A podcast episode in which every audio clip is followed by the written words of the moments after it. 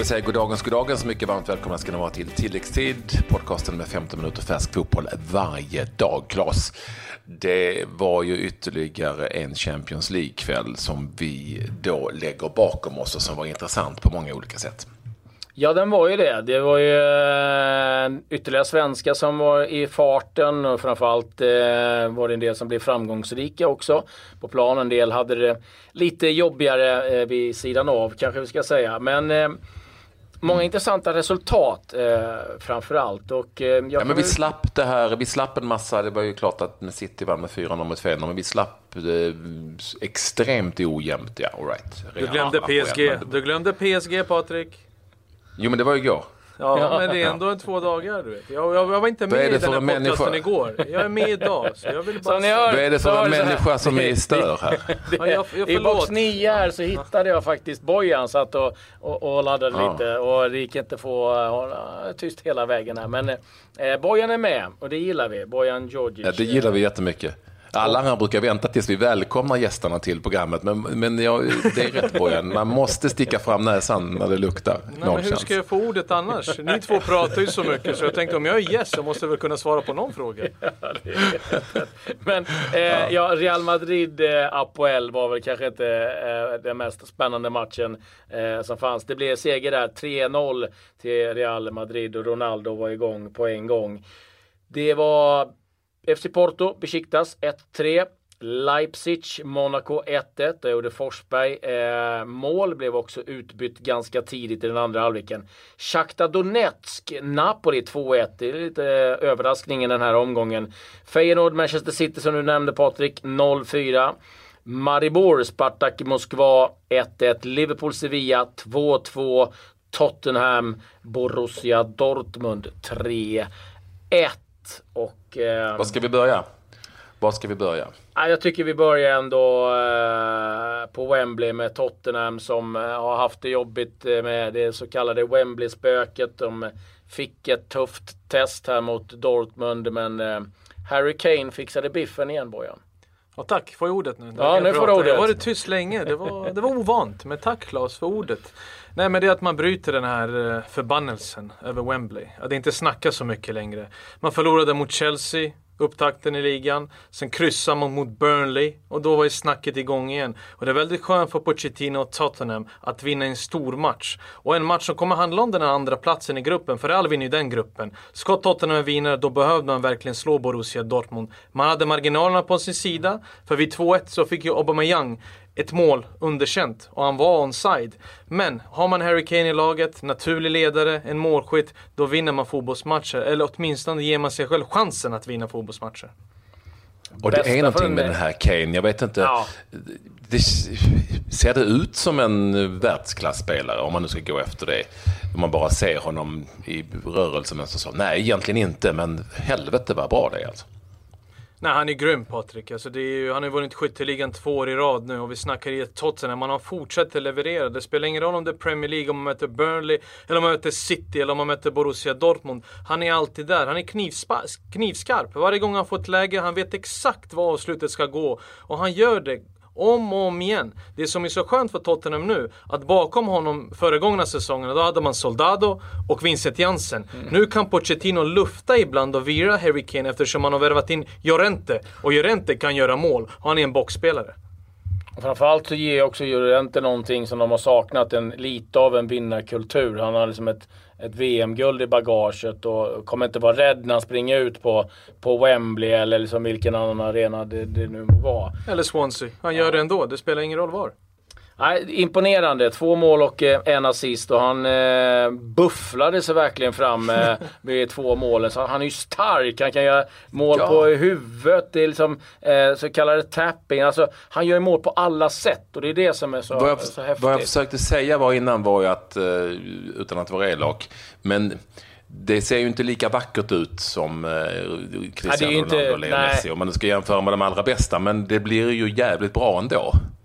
Ja det blir ju det. Det blir ja, men du, du har helt rätt för det ser lite kantigt ut. Kommer han gå förbi ja. den här duellen, går han in där, kommer han göra mål? Och ändå så gör han det. Han är betydligt snabbare än vad han ser ut. Och han är så stark och att bibehålla den här farten in i duellen när man vinner boll, man driver med boll och samtidigt ha fokus i avsluten. Det är det som imponerar mig mest. Och vi har pratat nu i två och men och vad är det som händer? Kommer måltorkan komma? Jo, den kommer bara i augusti. Men det är bara några matcher och sen igång i september igen.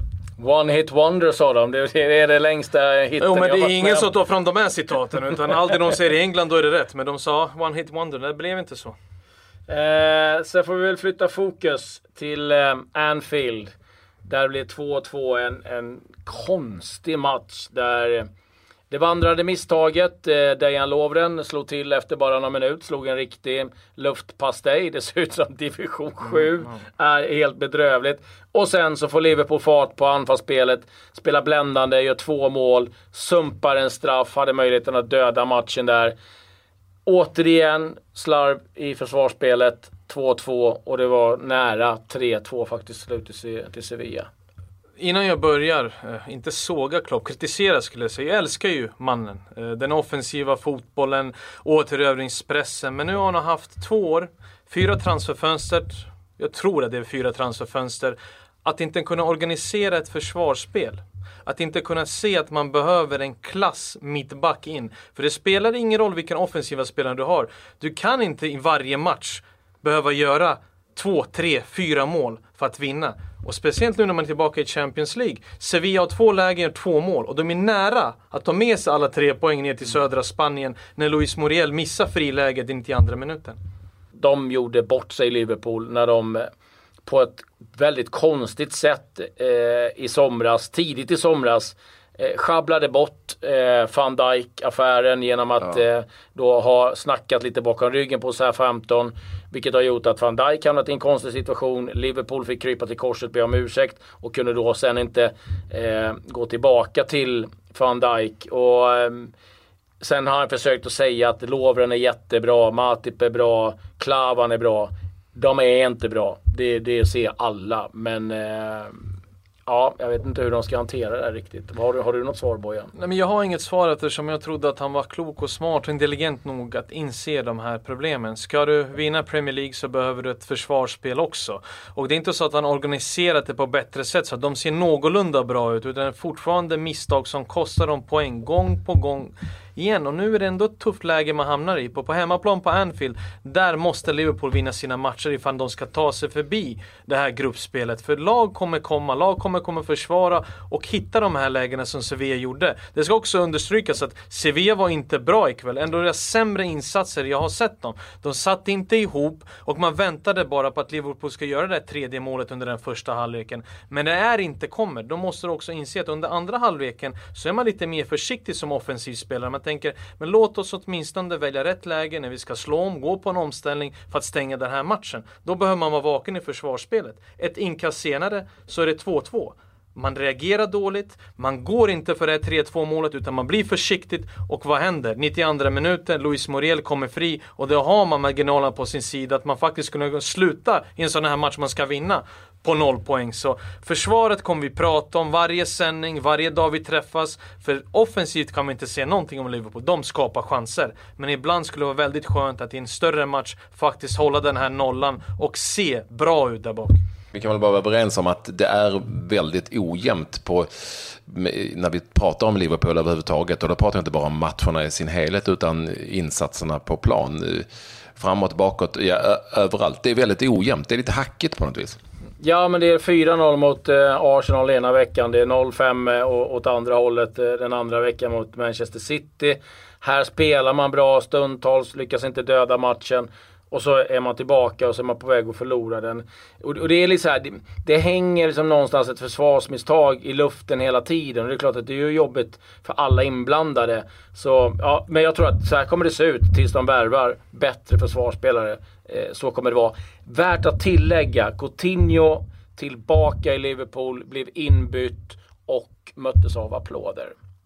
Jag, Mestadels. jag sa det i sändning också. Jag hade som supporter, jag pratade med min supporter jag hade buat. Han gjorde allt möjligt för att komma bort från Liverpool. Liverpool är en stor klubb, en fin klubb.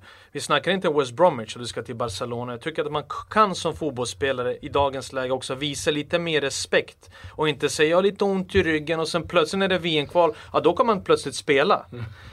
Och han behöver vinna deras förtroende på plan. Han behöver inte gå ut och be om ursäkt, för ingen riktig supporter hade tagit emot den ursäkten, utan han måste leverera på plan. Det som räddar Liverpool nu, är att nästa år så är det VM. Och han behöver spela kontinuerligt, han behöver vara i form för att Brasilien behöver honom och han vet att han inte vill missa den här truppen när den ska ta ut, ta ut nästa år i, ja, i Ryssland då 2018. Men, men varför hade du buat menar du? Jag hade buat. Jag tyckte att han misskötte hela den här grejen. Jag tyckte att både klubben och han kunde gått ut på ett annat sätt till supportrarna. För det blir som att man nästan, förlåt mitt språk här, pissar på Liverpool. Liverpool för mig kommer alltid vara en stor klubb. Jag vet att framgångarna inte har varit där med Premier League-titlar. Det var ett tag sedan man vann en väldigt stor titel. Men ändå så kan man sköta de affärerna mycket smidigare än vad Liverpool gjort. Både med van Dijk och med Coutinho det här tillfället. Jag pratar som supporter nu. Han, han, behöver på plan visa mig igen att han vill spela för att vinna mitt förtroende, för att jag ska applådera någon som gjort allt möjligt. Och kanske till och med maskat sina skador bara för att inte spela och representera Liverpool FC.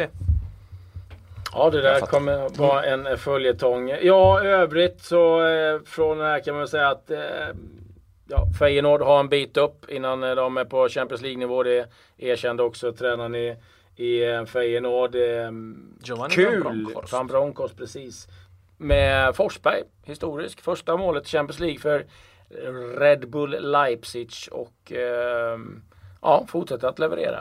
Det är bara att ta bort ja. Zlatan ur den här ekvationen. Förlåt Patrik. Det är vår klart lysande stjärna offensivt.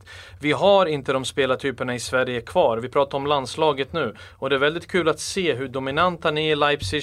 Han var grym i Bundesliga i fjol och han fortsätter på det inslagna spåret. Hans rörelsemönster, tempoväxling, det är väldigt olikt svensk och vi måste vara rädda om sådana spelare och hylla dem när de ska hyllas, som, i, som ikväll. Det finns det finns en beslutsamhet också på något vis och det såg man inte minst vid det här målet som man gjorde idag. Eh, där många kanske kan tänka sig att ska jag, ska jag spela in bollen, ska jag försöka stanna en gång, försöka curla bort den i hörnet, istället bara pang, lite väldigt tyskt skulle jag säga. Eh, och, och, det kan jag också gilla att eh, han har blivit så pass mycket, eh, låt mig kalla det för utlandsproffs egoist, så han inte springer och tänker på vad andra ska tycka och tänka, utan han tänker bara på en sak, jag ska göra mål i det läget. Och det, det, det, det var grymt att se på något vis. Alltså han, ser också, han ser också jäkligt besviken ut när han blev utbytt, tecknar ni på det på de bilderna? Ja, det har varit lite småskavanker förstått, men... Eh, läkaren stoppade honom från spel i helgen i Bundesliga. Och man är rädd om Emil Forsberg. Man har inte som spelartyp. Det är bara att kolla på assistmängden han hade i fjol. Och det är inte de assisten jag passar till Klas som skjuter från 35 meter i krysset och jag blir noterad för en assist. Som är i Sverige. Åh, oh, han har ju sju assist! Och sex av dem var... Vad kallar ni det för assist? Nu är inne i en drömvärld. Jo, men du vet vad jag menar Klasse. Och jag tycker att Emil Forsberg ska hyllas. Det är inte att vi ska överdriva utan han har en osvensk spelstil och det här självförtroendet han har fått i Bundesliga också. Patrik är helt inne på det. Många hade nog sökt en passning, ett inlägg, bara för att göra av sig med bollen. Han vet att han ska göra det för Leipzig och han tar saken i egna händer. Distinkt skott i den första, man tog ledningen. Ja, härligt Vi ska säga att också att eh, Alexander Isak fick följa med Borussia Dortmund och sitta på bänken borta mot Tottenham. Det kanske inte säga så mycket, men en signal om något i varje fall. För det är inte så extremt mycket folk på bänken i, eh, i Champions League-matcherna. Han fick ändå hänga på där.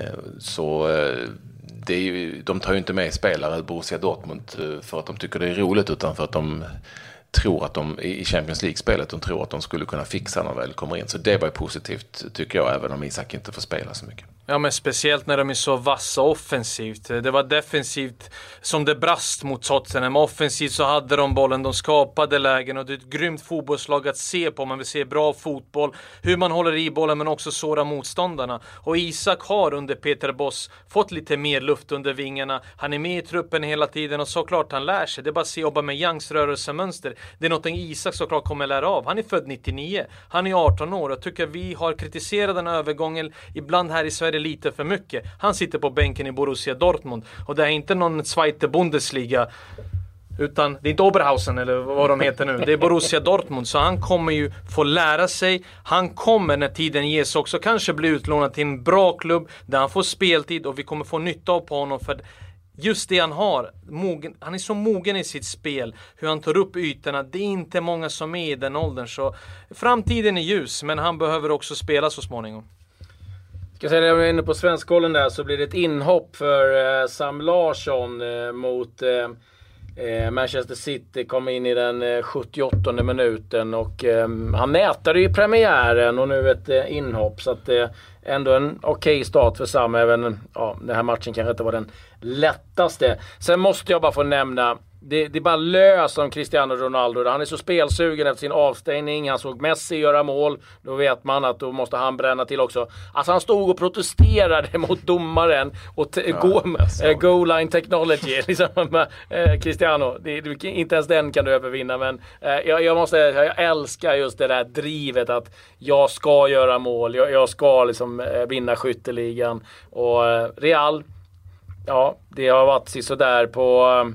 eh, ligastarten. Men eh, eh här startar man bra. Sen måste vi ju nämna Asensio som inte kommer till spel för att han har rakat benen. Då kommer man ju tänka på Troutman som bröt nacken men ändå spelade vidare.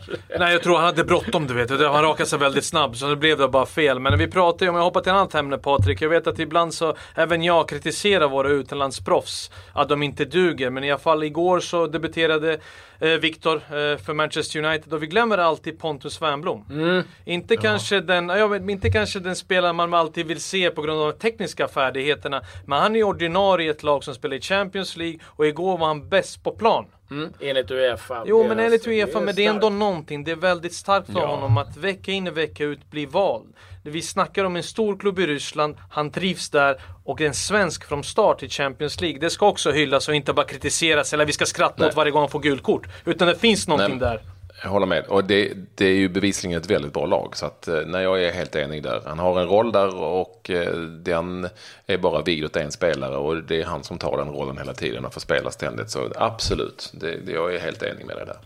Och då gör jag en liten klassisk övergång för eh, CSKAs mm. gamla tränare. Slutski är ju numera tränare i Hull City.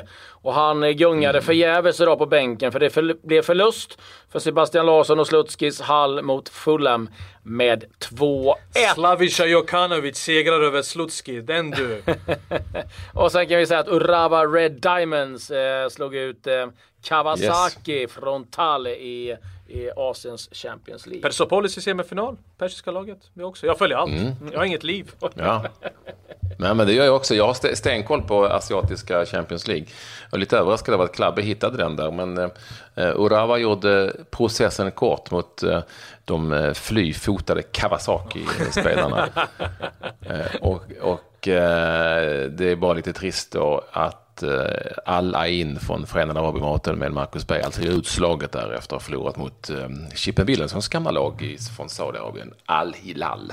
Mm. Fina lirare. Annars var det inte så mycket fotboll igår. Det är ju så när det är Champions League-spel. Inte ens jag hittar någonting på vare sig Färöarna eller Island. Så att det var ganska dött över stora delar Nej, idag var det lite dött. Igår hade vi ändå en eh, superetta-match där. BP Helsingborg som slutade 1-1. Så det finns ju någonting att hitta.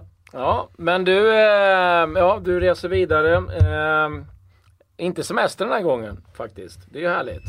Nej, som vanligt är det jobb. Jag åker till, eh, till eh, Lviv i Ukraina där ehm, Soria spelar sina matcher i eh, år i Europaspelet. De spelade Odessa tror jag förra säsongen. Så att, och ska se ehm, detta fantastiska Östersund i Europa League. Det ser jag fram emot lite som flygande reporter.